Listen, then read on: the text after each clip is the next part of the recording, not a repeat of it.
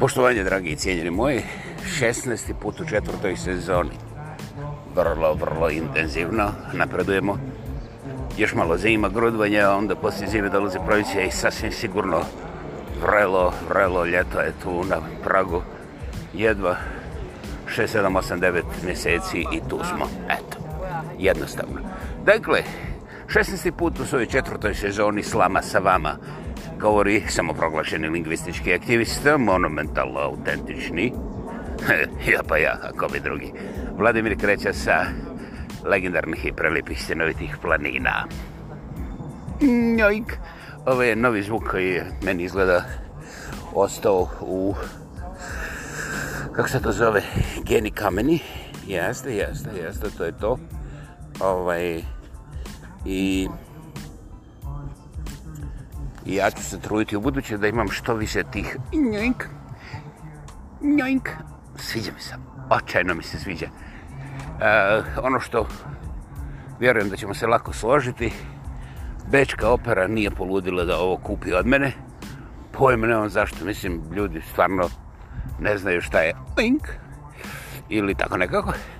Ali možda sa vašim pritiskom oni će pokušati da pregovaraju, pa ćemo vidjeti, ovaj, možda možda uradimo neki biznis što je ovako manje više korisno za mene a ostale stvari su ostale evo sad ste primijetili nešto što inače niste primijetili baš tako naime kad čovjek počne nevezano da govori ja namjerno nisam htio da ponovim ovo znaš pretpostavljam da treba to oprati noge večeras, pa onda nećete imati vremena ja ponavljam istu stvar i tako dalje. Znači, ja sam obziran, evo, to sam ti reći.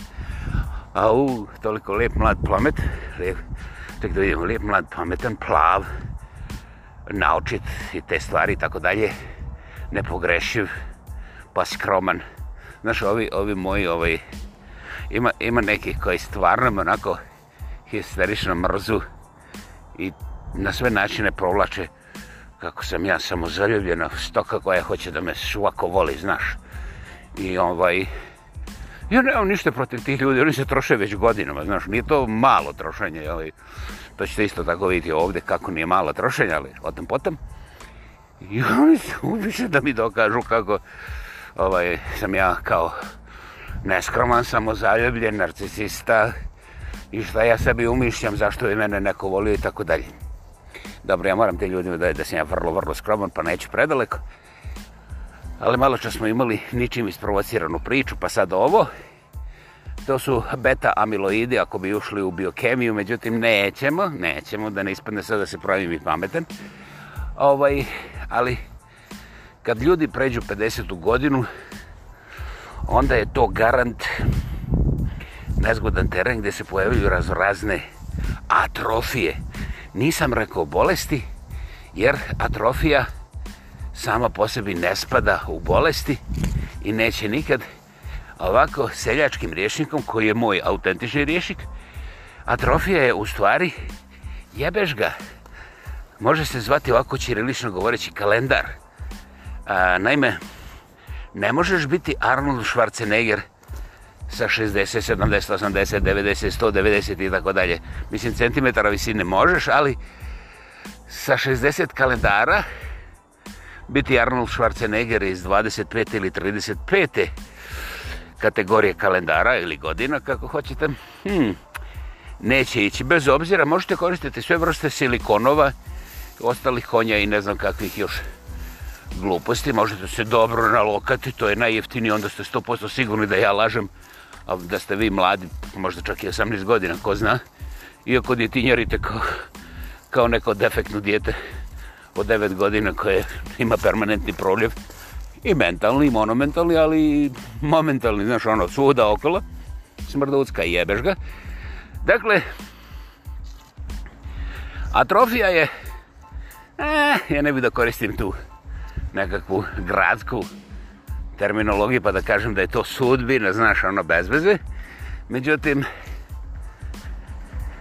moram da koristim, evo seljački, pravi seljački rižnik. Atrofija je neizbježna. Dakle, recimo vi imate 80 do 180 godina i ovaj, vi se osjećate kao da vam je 15 godina i želite da prckate kao da vam je 25 i ja nemam ništa kontra toga, samo napred. Uz jednu malu sitnicu koju ja moram s poštovanjem naglasiti.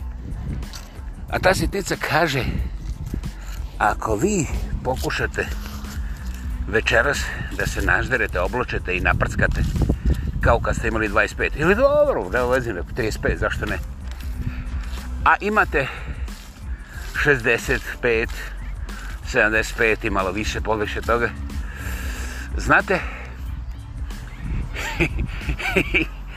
ovaj, kažu nekakve računajke da ste u stvari svaki peti od vas tako ubijeđeni kojima godine ne znače ništa mrtav dakle ako ponovite intenzitet i količinu tih uživanja u alkoholu i žderanju u isto vremeno, kao kad ste imali 25 do 35 godina, a imate preko 65 godina, onda svaki peti od vas je sebi potpisao smrtnu kaznu. Doslovce, to nije samo ubojstvo, nego obično ubojstvo iz nehata, ali i dalje završava sa smrtnim ishodom. Ja sam rekao svaki peti, to je znači 20%. Onih 80% imaju trajne posljedice koje se sad po toj skali tragedije šeću uvijek na ovoj dubljoj, smrtljivije, razornoj strani, ali ja ne bih ulazio u detalje. Možemo se lako složiti da tih 80% koji su proživjeli takav jedan eksperiment, nazovimo to tako, ili recimo zatlucanost, e, neće uživati, a sigurno neće imati nikakve koriste. E sad tu postoji najmanje 20% mazohista koji volu da pate jer će neko doći da ih spašava od familije kojim nije došlo dugo vremena ni da ih vidi pa će oni to smatrati korisnim i ovako mentalno, emocionalno će se osjećati kao bolje. Međutim, u tim slučajima se dešavaju ti prekoročni herc koji su obično definitivni, znači konačni, znači nepopravljivi. I ovaj, ja mislim da je to dobar završetak jer onda čovjek naš navečer legne zadovoljan, došao mu je sin, kćer, ne znam ko, koji nije bio dugo tu. I svi su ubeđeni da je sve dobro i onda preko noći naš taj višak odigra svoju ulogu jer čovjek sa 65 i više kalendara vraćamo se na atrofiju, jeli? Je u mnogim elementima svoga bića, svoje egzistencije atrofirao. Znači, taj čovjek je potpuno, recimo, zdrav. Međutim, viša kalendara, wear and tear, nošenje i trošenje, kako bi to preveli na engleski jezik, eh, eh, ne morate se složiti sa mnom, zašto? Mislim, ja sam i onako seljačina, ovaj, ali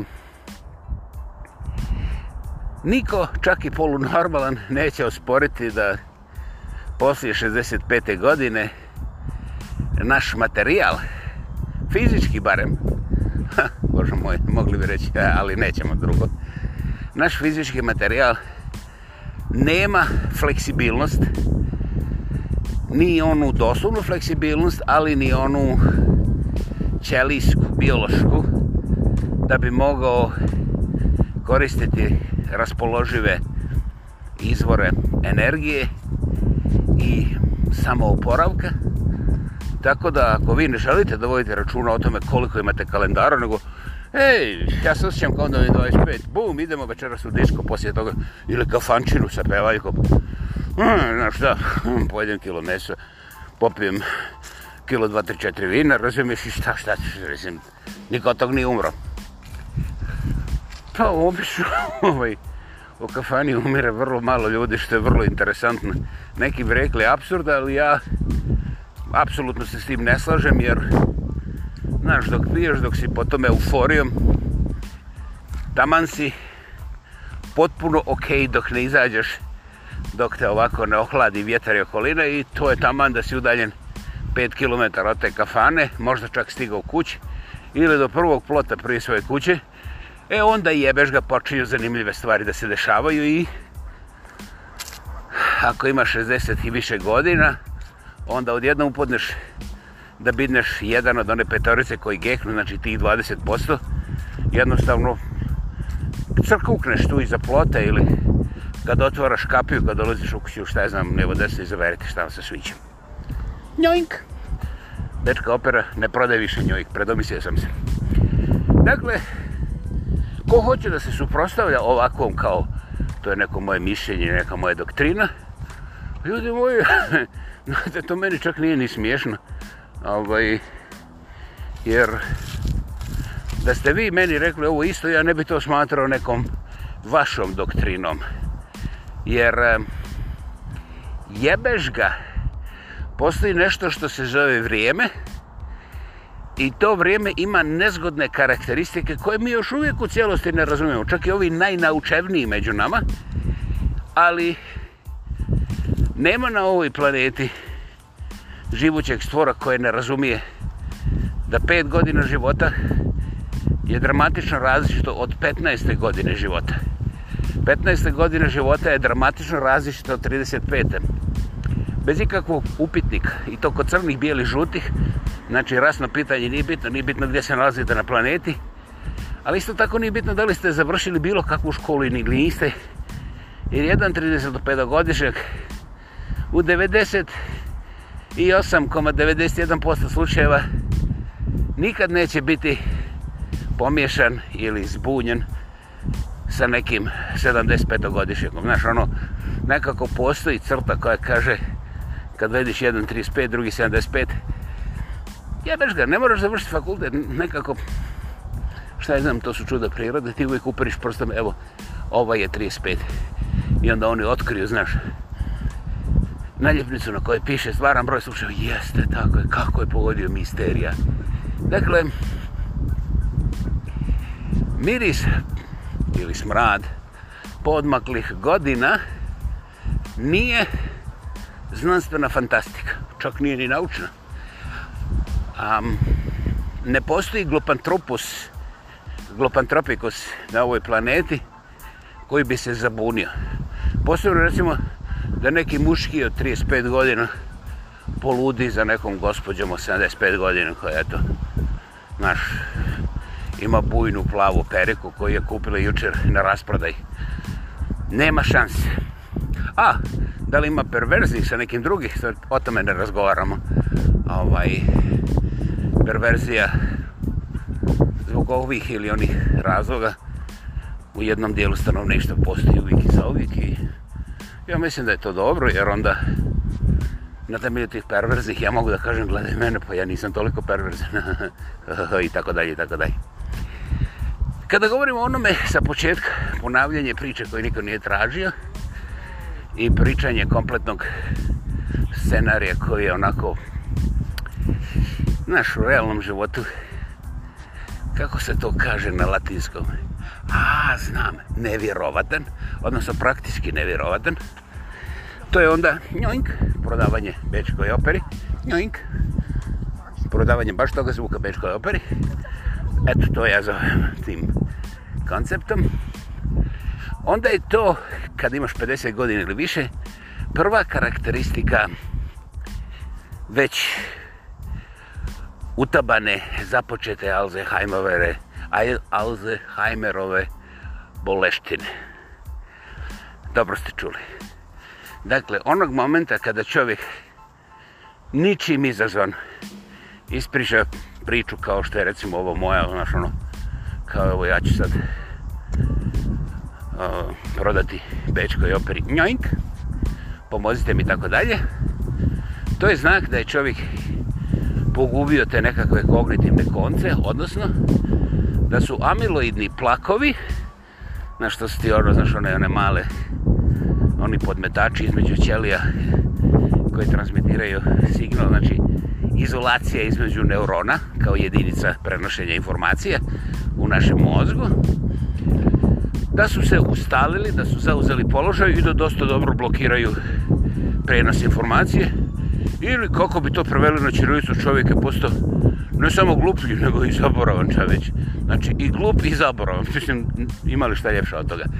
ovaj, I to je moment kada je, kada stvar više nije bio kemijska, nego je postala fizička, znači količine e, nagomilanih tih izolacijskih plakova, pločica, kako hoćeš, između neurona su porasle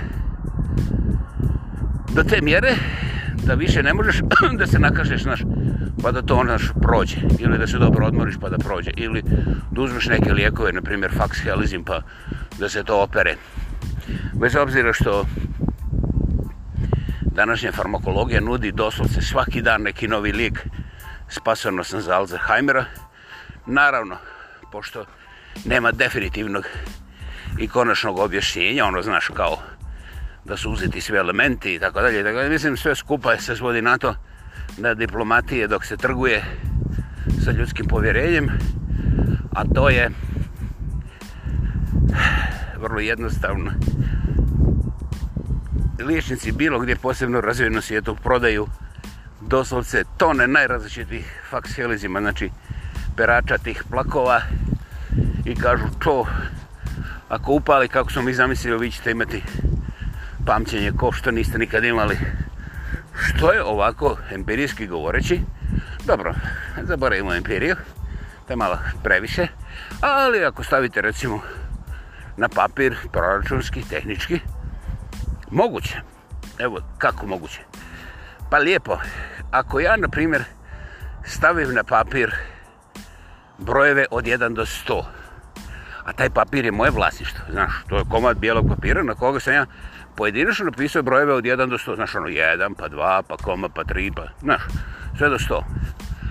Onda, ja mogu sa 100% sigurnošću tvrdim, da tvrdim, ako večeras u lotu koji je uh, 6.49, 6 tačnih od 49, znači čak ne do stotke. Ovaj, znači, ja mogu da održim te brojeve koje sam napisao, do 50, evo, pogledaj, bože moj, kako se toga nisam sjedio.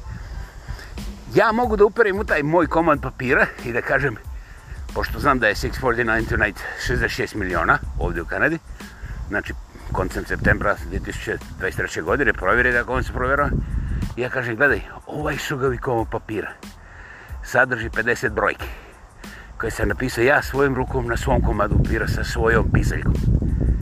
I ja mogu da se kladim u svoj život da samo šest brojeva sa ovoga spiska, znači od 1 do 50, večeras pobjeđuju na lotu, dobivaju 66 miliona. Zamisli.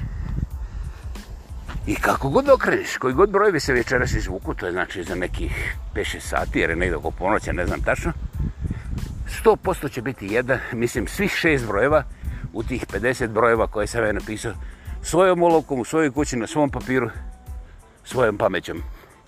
Dakle, kao i ono za Alzheimera. Oni kažu, ako se ovo poklopi sa ovim i djeluje ovdje, 100% ne samo izlečenje, nego preporođenje. 100% ste u pravu. Na isti način kao kad kod mene dođe pero pameti, ja mu kažem, pazi ovako, na ovom komadu papira ja imam formulu za 66 milijuna dolara. Kako? Ja imam precizno šest brojeva napisanih ovdje daleko prije nego što su oni počeli da izvlači. I ja se s tobom kladim u šta god hoćeš. Evo, ti uložiš samo 10.000 dolara, a ja ulažem cijelu svoju kuću. Da večeras kad se izvuku brojevi 649, svih tih šest brojeva će biti ovdje na ovom komadu papira. 100%. I, i perovi i zbog načega neće da se uhvati zađu ne znam, budala, mislim, izgubio priliku da izgubi 10.000 dolara leta. Ja inače nisam, nisam nikad riskirao kuću, ali to nemojte reći nikome, jeli? I to je to, znači, tehnički, svi smo i u pravu. E, malo je različito u stvarnom životu, eto. Zašto sam se ugodio Alzheimera? Pa vrlo jednostavno. Ovog ljeta, u protekla četiri mjeseca, ja sam izgubio petoricu ljudi iz moje generacije i ni jedan od njih nije bio baš ono, kako bi se to reklo, kritično bolestan, pa da se očekivalo da će odvrnuti papke baš ovoga ljeta. I druga stvar, jebeš ga, znaš, krepavati usred ljeta, kad možeš krepavati od vrućine, pa onda od buljenja u te drugarice, kolegice, a gospođe koje se šetaju okolo u oskudnoj garderobi, to smatram neproduktivni, znaš, ono, mislim, i sad te razloge neću da listam ovdje, jer možda ću vam reći neke strategijske moje muške tajne, pa onda neću. Međutim, teško mi pada kad fin svijet iz moje generacije, znači derani koji su znali praviti puno veće gluposti nego ja, odapnu iz čista mira u ljeta. Smatram to izdajničkim. Krepavajte u kasnu jesen kad se ne zna da li je zima, da li je snijeg ili je samo bljuzgavica. Krepavajte kad zima izgleda da neće otići nikada, šta ja znam. Kad su magluštine, kad je... Dobro, dobro, nećemo ti receptima, mali. I ti ljudi su, ovaj... Neki od njih su pokazivali ove mentalne deklinacije i one nisu bile zanimljive nikome. Ja neću naravno raditi medicinsku analizu, međutim, Alzheimerova bolest e, nikad ne ide nazad. Aha, to ste dobro čuli. Za recimo razliku čak od nekih opasnih rakova koji u određenim okolnostima, ali čak i u nepoznatim okolnostima mogu ići nazad. Drugim riječima čovjek se oporavi, evo ja sam baš imao priliku vidjeti reportažu o jednoj gospođi koja je slavila 10 godina preživljavanja nakon što je živjela nevjerojatno prvu godinu raka sa, mislim, to su ljudi koji nemaju problema sa ovim sredstvima plaćanja, a druga stvar nalaze se društveno vrlo visoko i išli su na najbolja mjesta i nisu žalili novca te prve godine i svi su bili složni, svi ti vrhunski ljekari, vrhunske institucije da je ovaj rak zagrizao debelo u kosti i da je samo pitanje vremena prije nego što završi posao. Međutim, ona je deset godina kasnije živa u potpunoj remisiji i čak su slavili. Naravno ne uz gola i dva bureta piva, ali su slavili i ja sam ovaj bez daljnjega i tekako oduševio na više nivoa, pogotovo što mi taj slučaj dokazuje kako a, nijednog momenta ne sumnjam da su se oni obratili ne samo najmoćnijima, nego nekim od najpametnijih i najškolovanijih ljudi koji se bave fenomenom raka i raznim načinima i sredstvima liječenja toga raka i istraživanja i, i, i svega što ja ne mogu ni zamisliti. Međutim, ja u nekim momentima zamislim da meni, znači krema, najkvalitetniji, najprofesionalniji, najjači, najmoćniji eksperti u onkologiji kažu jebeš ga pokojni se ovaj rak ne pokazuje ništa osim naš vrlo brzo tvoju smrt jer se u ovoj fazi mi ne posjedujemo ništa da bi sa tako širokog polja u cijelom tvom tijelu mogli isključiti bilo šta i obećati, obećati ti čak i dodatni dan života. Jednostavno je tako. Dakle, ja vjerujem da su ti stručnjaci upravo to vidjeli, jer su oni gledali dosta duboko sa najpreciznijim uređajima i spravama, alatima koje medicina danas može zamisliti. Međutim, ispostavilo se, Bogu hvala, da su u krivu. A, sada je važno napomenuti da ti stručnjaci su u krivu 3 do 5 procenata. Na. Znači, kad oni imaju 100 ljudi i kažemo vi ste mrtvi za 3 do 6 mjeseci, njihov nivo preciznosti je minimalno 95% ide do 97%.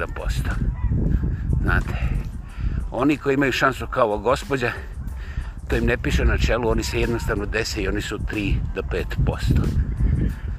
Um, onda vi možete reći pa to je slučajnost. E, mogli ste reći da je to, na primjer, parmezan bez limunade sa karlovačkim pivom. Ja, ja se slažem, vi možete reći šta god hoćete. Međutim, ono što ti profesionalci koji su tako sposobni, moćni i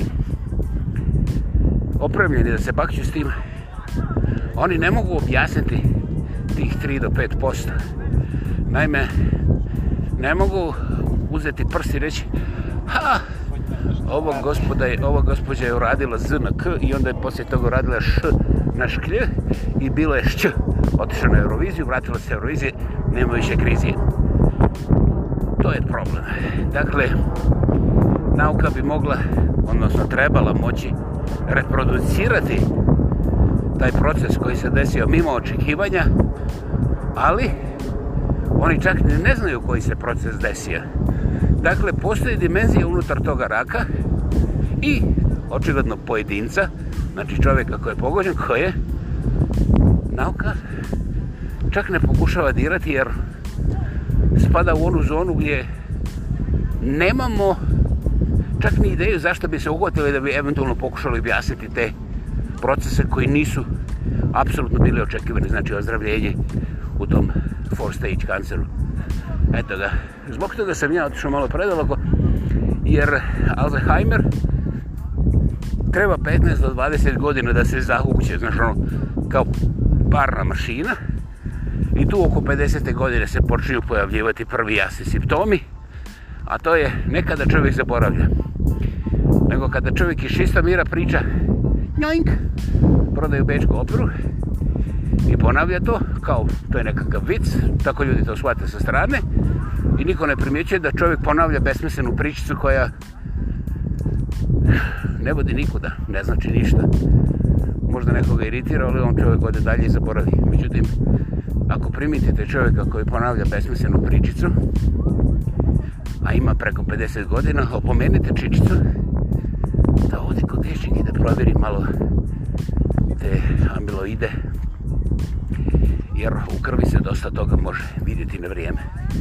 Istovremeno, ako čovjek zaboravi u to vrijeme ili kasnije gdje mu je telefon, odnosno ode do auta, zaboravi da mu je ključ ostao u sobi ili takve stvari, to nema veze sa Alzheimerom, to se dešava i potpuno mladima, potpuno zdravim ljudima koji su tek na početku života i to spada u neke druge tehničke elemente zbunjenosti i dezorientacije koje nemaju veze sa Alzheimerom. Međutim, ako se čovjek vrti u krug, odnosno on se sjeti da je zaboravio ključeve i vrati se gore i ne samo da ne zna da se vratio u sobu, u kuću, da uzme ključeve za auto, nego počne da ide gore u spavaću sobu, pa i spavaće sobe u kopovnicu, ne radeći ništa. I onda ovaj, nakon nekog vremena otkrije da je prošlo sat vremena, a on pojma nema šta je razlika između spavaće sobe, recimo i kuhinje. E, to je onda indikator koji vrlo snažno i vrlo jasno ukazuje na Amiloid plans koji su uznapredovali, znači Alzheimerova bolest je tu, naravno ne u full force još uvijek zbog masu razloga, međutim to je moment kada jednostavno ako mislite sve bi malo dobra, morate otići specijalisti. Eto. Meni je drago da sam uspio zahvatiti ovo, ja neću ulaziti dalje u sitnice, ali ova memorija nije memorija da li ćete vi zaboraviti ključ ili ćete se kretati od jedne sobe do druge i ne znate šta radite. Ne, ne.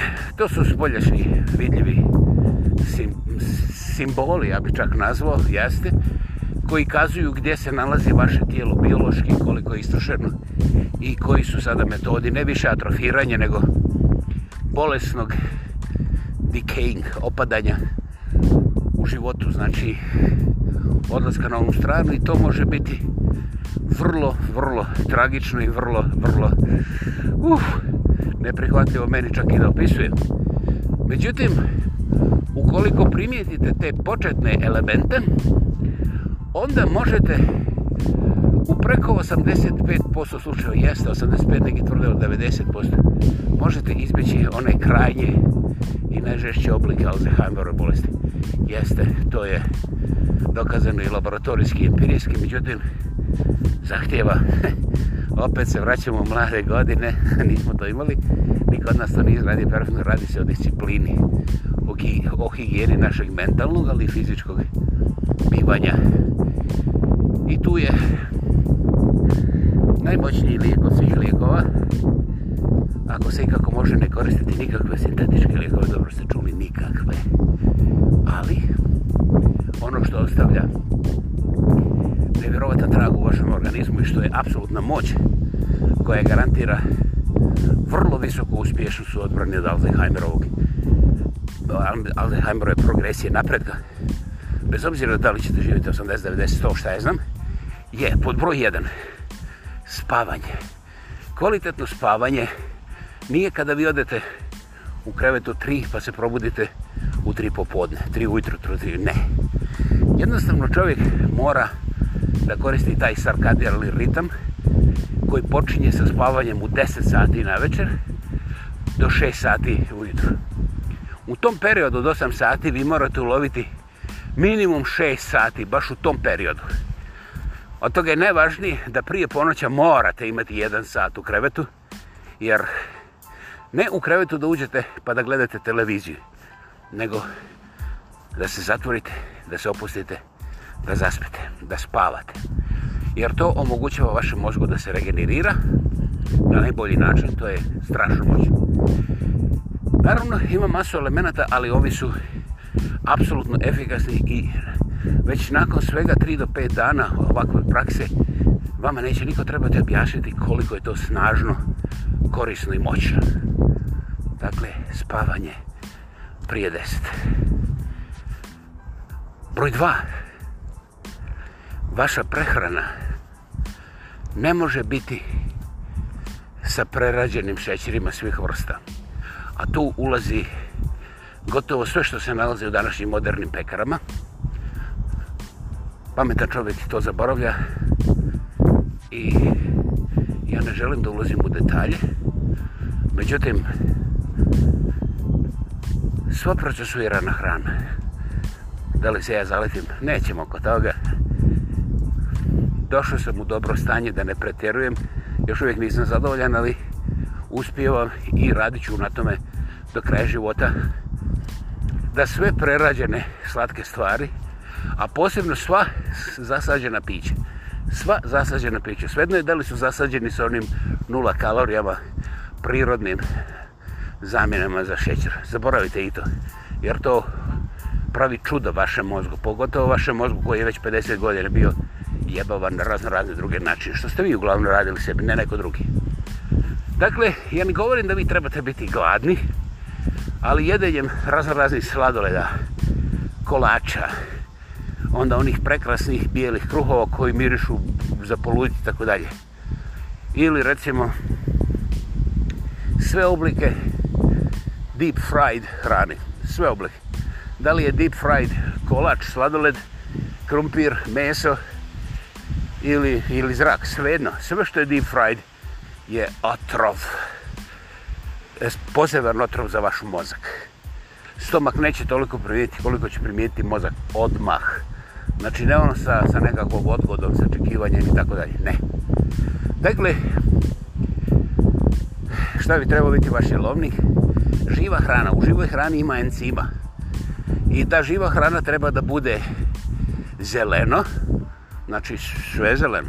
Ozbiljno. Šta god hoćete zeleno. Kupusi, salate, brokoli, izvolite. I to zeleno bi trebalo biti barem polovično, barem polovica od tog zelenog što unosite, nehuhana, znači termički nedirano. E, ono što je lijepo, vi kupus ne morate kuhati. Ako ga dovoljno sitno isjecete pa ga pospete sa ovim organičkim octom, to je fantastično, to je predivno. Recimo recepti, nećemo uzeti to. Znači, ako vi mislite da stavite u brašno nešto od tih zelenih povrćnica pa ih onda deep fried jer onda su vam slađi jer pospete s ovim tekućim sirom to je jednostavno toliko nakazno da predstavlja doslovce biološku bombu koju ne želite ni najvećem neprijatelju. Ja znam da je to slatko i meni miriše kad prolazim pored ovih vašera, međutim okrenem se na drugu stranu i Bogu hvala.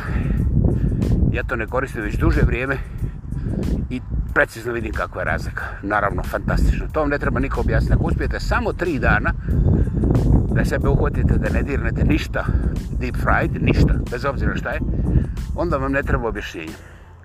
Znači, prvo je spavanje, treća stvar je ishrana, druga stvar je ishrana, treća stvar je ovaj, pokretnost.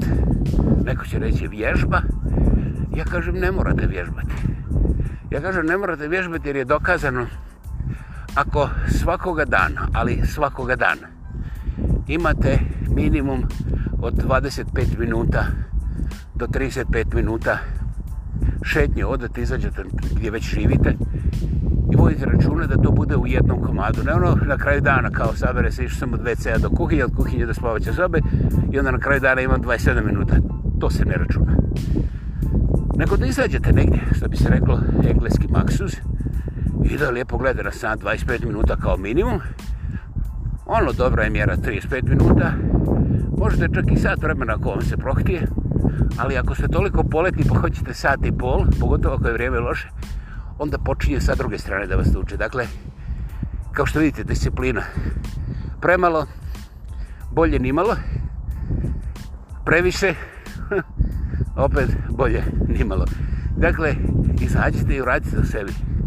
I, konačno, jedna od najmoćnijih stvari koja se ne vidi, a koja je u vašim rukama, a to je stres. Dakle, ako vi unutar sebe ispod imate strahove i brige, od kojih mnoge imate sigurno, ali niste se nikom usudili reći, e, onda je to kancer koji jede vaš život i posebno jede vaše moždjane, evo da skratim, da ne idemo kod tih amyloid plaks i tako dalje. I on doista ne može da se neutralizira s ovim aktivnostima koje sam rekao. Znači, stres se mora tretirati kao poseban entitet, kao, kao poseban dušmanin koga morate ciljati svakog dana na svakom koraku i to je ono gdje vi u stvari morate kada završite sa dobrim obrokom i sa šetnjom kada morate razmišljati šta vas donosi u stanje stresa, šta vas nervira, šta vas, šta vas izlaže brizi. Da li ste preplošeni što ćete eventualno umriti? Što vam neka budala kao ja govori, da, se, da je i to moguće. I onda, ako ne možete s tim dijalogom sami da izađete na kraj, pa potražite pomoć u bolnici. Ima puno tih savjetnika, psihologa, pa čak i psihijatara. Što izgleda ovako, znaš, kao dramatično, Međutim, ja sam to iskoristio i zato sam ovako oporavljen. Jer ti ljudi na početku su neprihvatljivi, ali nakon nekoliko posjeta i razgovora odjednom primijetite da Boga mi, to je najbolji ulog koji ste mogli raditi ako ste poslije 60. godina još uvijek ono između nečega sami sa sobom. Znači, ako sam ja ovdje nešto rekao što bi rekao da vi još uvijek ne znate ko ste, ne brinite, 98% ljudi umire, a da nikad nisu saznali ko su. Tako da to rašistimo. Ali to ne znači ništa loše. Ono što je loše je ako vi niste učinili svjestan nabor da razumijete barem onaj dio sahranjenih pritisaka i frustracija koje se niste usudili diskutirati s niskim pa vas sada na kraju života skupo, preskupo, preskupo i brutalno košta. Dakle, to možete otkloniti. Tu nisu potrebne financijske investicije, ali vaš svjesni napor da učinite to spasit će vas od potpune izgubljenosti i vrlo mizernog raspadanja u Alzheimerovu bolesti koja se može vući čak i 10, 15, 20 godina u nekom staračkom domu gdje nećete imati nikakvu brigu dobro, jedan dobar dio nećete ni znati šta se dešava, ali je užasno i normalnom mozgu neprihvatljivo. Dakle, može se. Može se, ne mora se u starim godinama baktati po razno raznim ovaj, tim institucijama. Međutim, čovjek mora svjesno da se odluči za samodisciplinu. I ne možete nikoga ubijeti da li ste disciplinirani ili niste. Zapamtite, ovo ne možete nikoga biti. Ali možete pogledati u ogledalo i vidjeti da li ste jučerašnju zadaću koju ste sebi dali za zdrav život ostvarili. To ponovite sutra, a preko sutra nećete više gledati u ogledalo, nego ćete gledati wow, otkad nisam bio u ovom parku i ne osjećam nikakvu bol. Jebote pa, udišem ovaj jesenji svježi zrak. Dakle, vi sebi dajete kvalitetu života, doslovce je tako. Ovo nije filozofija, ovo je život. Dobrodošli u svoj vlastiti život. S ovim, 16. put u četvrtoj sezoni Slama sa vama kaže Sretni veseli bili, doli Alzheimer, a gori ovi 1, 2, 3, 4 i može se. Može se, znate, strašno puno vrlo starih ljudi koji su do zadnjeg dana šetali, plesali, i nisu nikome bili na teretu, a pogotovo ne sami sebi. Vi to možete, mogli ste od uvijek, to je poklon od prirode i Boga ili, ili jednog ili drugog, svejedno u što vjerujete, ali ga morate vi uzeti, vi ga onda morate sebi postaviti u svoju svakodnevnu praksu. To ne može uraditi ni jedna pilula. Ako vjerujete u pilule, da pilule mogu to uraditi, onda ste vi već sada izgubljeni. Ne samo vi, nego svaki koji vjeruje u pilule. Ja ne kažem da pilule su bezvrijedne, Međutim, onog momenta kad položite sve svoje egzistencijalne nužnosti i potrebe u pilulu, vi ste sebe reducirali upravo na, taj, na tu veličinu, veličinu pilule. A sami znate koliko je to. Eto, 16. put u četvrtoj sezoni bila je ovo slama sa vama. Govorio je samo proglašeni lingvistički aktivist, monumentalno autentični. Ja pa ja, kao drugi. Vladimir Kajča sa legendarnih i prelijepih stjenovitih planina. Hvala vam i čujemo se uskoro.